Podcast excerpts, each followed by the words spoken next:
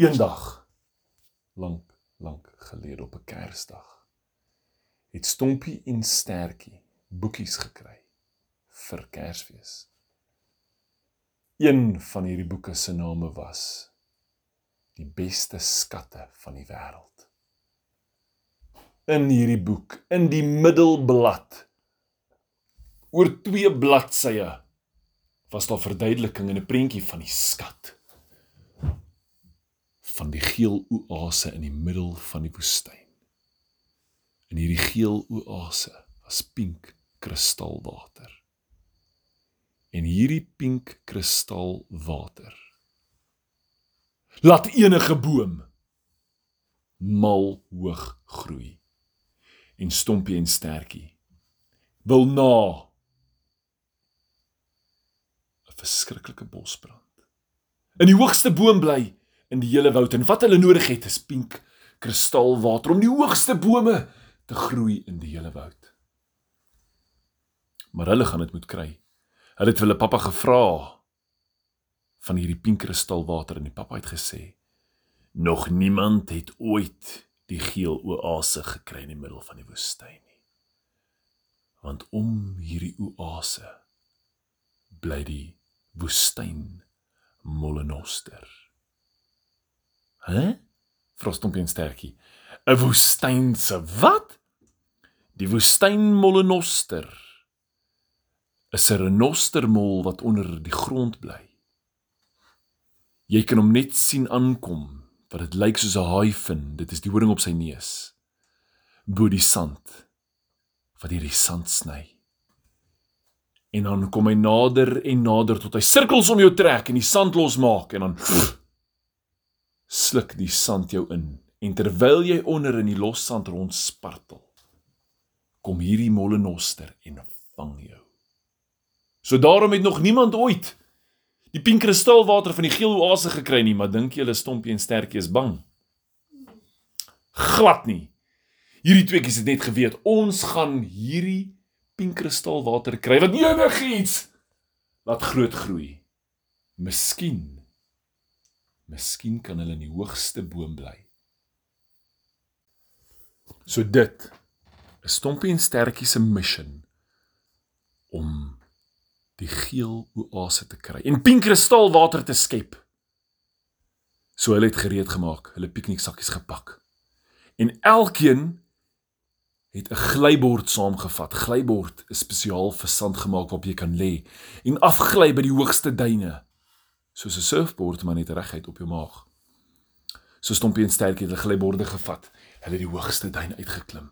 Julle toe hulle heel bo op die hoogste duin geklim het, En op die hoogste punt van hierdie duin staan, haal hulle 'n verkyker uit en kyk uit oor die woestyn. En ja, deur aan die kant, af en af en af en af. Daar sien hulle die geel oase. Hulle lê plat op hulle magies. Hulle kyk vooruit of hulle nie enige mollenoster sien nie, maar hulle doen nie en toe spring hulle weg. Eers gaan hulle stadig, maar gou-gou het hulle spoed opgetel en gaan later so vinnig dat hulle wangetjies klap. Hulle raas en skree want hierdie wind gaan verskriklik en hierdie sand is glad. En hulle weet daar's nou niks meer terugdraai kans nie. Links en regs om bosse en bulte af en af en af in hierdie woestyn tot heel onder in die geel oase. Die sand het reguit gegaan, maar het nog steeds spoed gehad om te gaan. En in die hoek van Stertjie se oog sien hy. Daar is iets soos 'n bruin haai fin oor die sand. En hy het geweet dis die Molonoster. Hulle is nog nie naby hierdie geel oase nie. Stompie het dit ook gesien. Links en regs het hulle gegaan om hierdie om hierdie ehm um, bultjies en om, om hierdie plantbossies. Maar daarvoor het die molenoster se horing wat by die sand uitsteek 'n spiraal gemaak in die sirkel sirkel sirkel en toe stompie en stertjie met 'n bord op deur deur gaan. Kom hulle net net deur maar hulle was te stadig.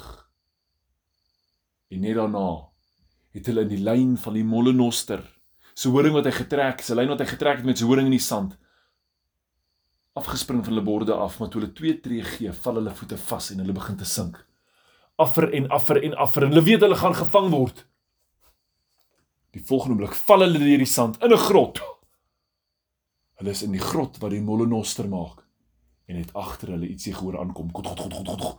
Hulle omdraai. Kom hy, julle, hulle hardloop af in hierdie tonnel. Van hierdie verskriklike hardloop wat die mollenoster gemaak het, sien Stompie en Sterkie 'n groot sandklont voor. Los gaan en val. Net toe hy val, duik hulle onderdeur en hulle rol verby en hierdie sandklont val. Die tonnel agter hulle toe. Stompie en Sterkie kon ruik. Iewers is water in die lug. Hulle het gouer en gouer gehardloop, julle. En die mollenoster het deurgebreek deur die sandklont. Op hulle afgestorm. Hierdie tweeetjies het gehardloop en bo aan die bokant van die tonnel vasgehou en die mollenoster is onderdeur. Hulle het gesien daar gaan daar gaan daar gaan 'n tonnel links. Hulle het links afgehardloop, die mollenoster moes eers omdraai. En net 'n entjie, net voor die mollenoster hulle gryp, val hulle in water. Pink kristalwater en hulle dryf af. Af af en dan voor sien hulle lig en hulle spoel uit in 'n groot poel met die geelste bome wat hulle al ooit gesien het om hulle. Stompie haal 'n botteltjie uit sy sak uit. Hy skep 'n bietjie van hierdie water en weet: Ons moenie van hierdie water drink nie want hierdie water laat alles groei. Maar net so by die opening van 'n grot die bokant hulle het 'n mollenoster vir hulle gestaan en kyk en gesê: Ek wag vir julle. En verdwyn.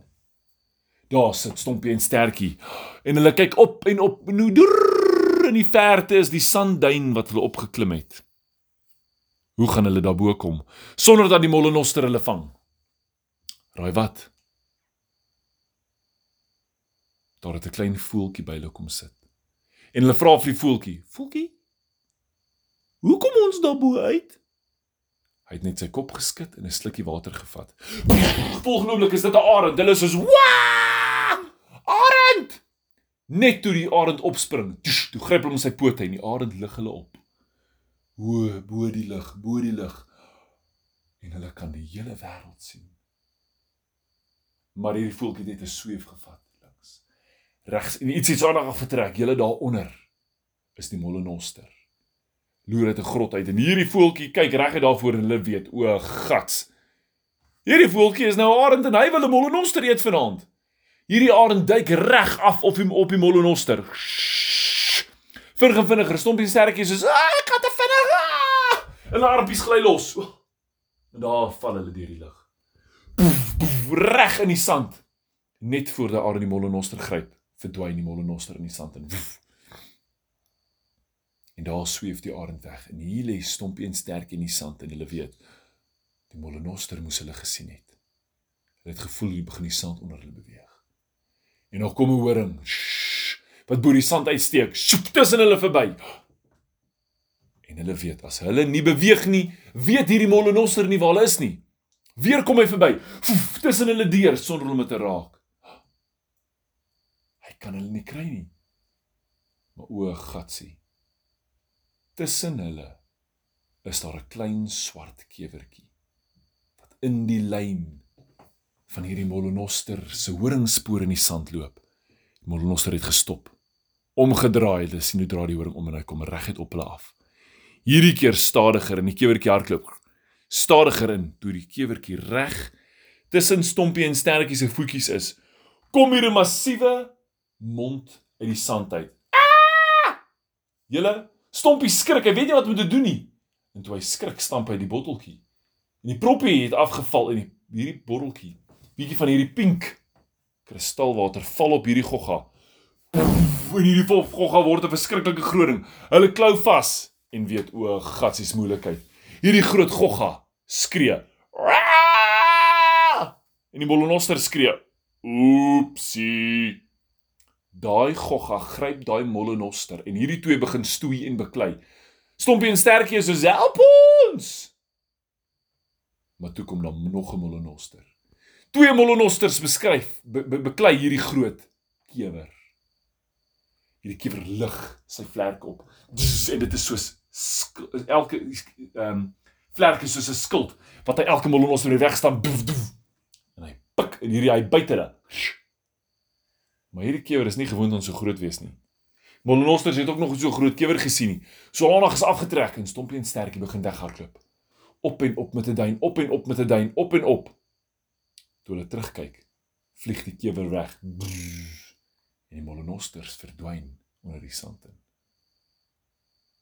Stompie en Sterkie hardloop so gou as wat hulle kan.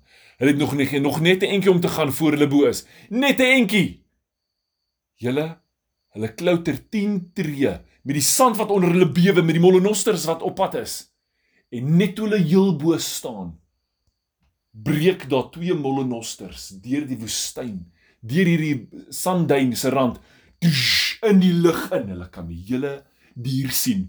Pote, verskriklike groot grouers, skerp naels, 'n lang stert en hierdie verskriklike gesig met 'n horing voorop. Maar toe elke molenoster deurbreek, spring Stompie en Stertjie in die lug. Ah! Maar al wat hulle kan doen, hulle kan vasgryp aan die ore van die mollenosters. En daai mollenosters duik terug in die sand. Af in tonnels in en Stompie en Stertjie soos o, gatsie. Nou is ons op hierdie goeie se ruggies. As ons laat los, gaan hulle omdraai en ons byt so hou vas. Maar hulle kom toe agter, as jy die linker oortrek, draai hy links. As jy die regter oortrek, draai hy regs. Stompie en Sterkie het slimmer geword. En as jy altyd oor 'n trek, roep reguit op. Jump hy uit by die lug. Af op die sand en al wat Stompie en Sterkie doen is hulle wil nie op die grond wees nie. Hulle hou net hierdie ore altyd ore agteroor en hierdie mollenosters hardloop op die sand af nader en nader na die oerwoud. Heel bo in die boom sit die diere en hulle sien. Uh uh, moeilikheid. Hier kom twee mollenosters. Die diere sê ons dog hierdie mollenosters is net genosters in boekies. Nou is dit ware goggenosters. Hulle kom na die woud toe. Julle stompie en sterkie trek daai ore so hard as wat hulle kan. Stop hulle in die sand en toe hulle so hard stop, skiet stompie en sterkie af. Hulle rol reguit na die woud toe. Twee springe toe hulle binne 'n boom en die molenoster sê: "Ag, shucks. amper eet ons apa styf vanaand." Hulle draai om verdwyn in die grond en die ander diere kyk vir Stompie en Stertjie en dink: "Wat? Is julle die ridders van Mollenosters? Julle moet die braafste apies wees wat daar ooit was, maar Stompie en Stertjie haal uit hulle sakkie 'n botteltjie pink kristalwater en sê: "Hiermee gaan ons in die grootste boom bly." Julle hulle hardloop nader, die diere kom nader om te kyk. Hulle gooi die hetel hele botteltjie oor hulle boom uit en hulle boom begin te kraak. Groter en groter groei daai boom tot dit die hoogste boom in die oerwoud is. En heel bo is die huis van Stompie en Stertjie. Al die diere weet. Wow! Hulle is seker nou die baas van die oerwoud. Maar Stompie en Stertjie wou nie die baas wees nie, net in die hoogste boom bly. So hoog soos die arende sweef het Stompie en Stertjie gebly. En volgende keer sal ons uitvind of hulle die baase van die woud geword het.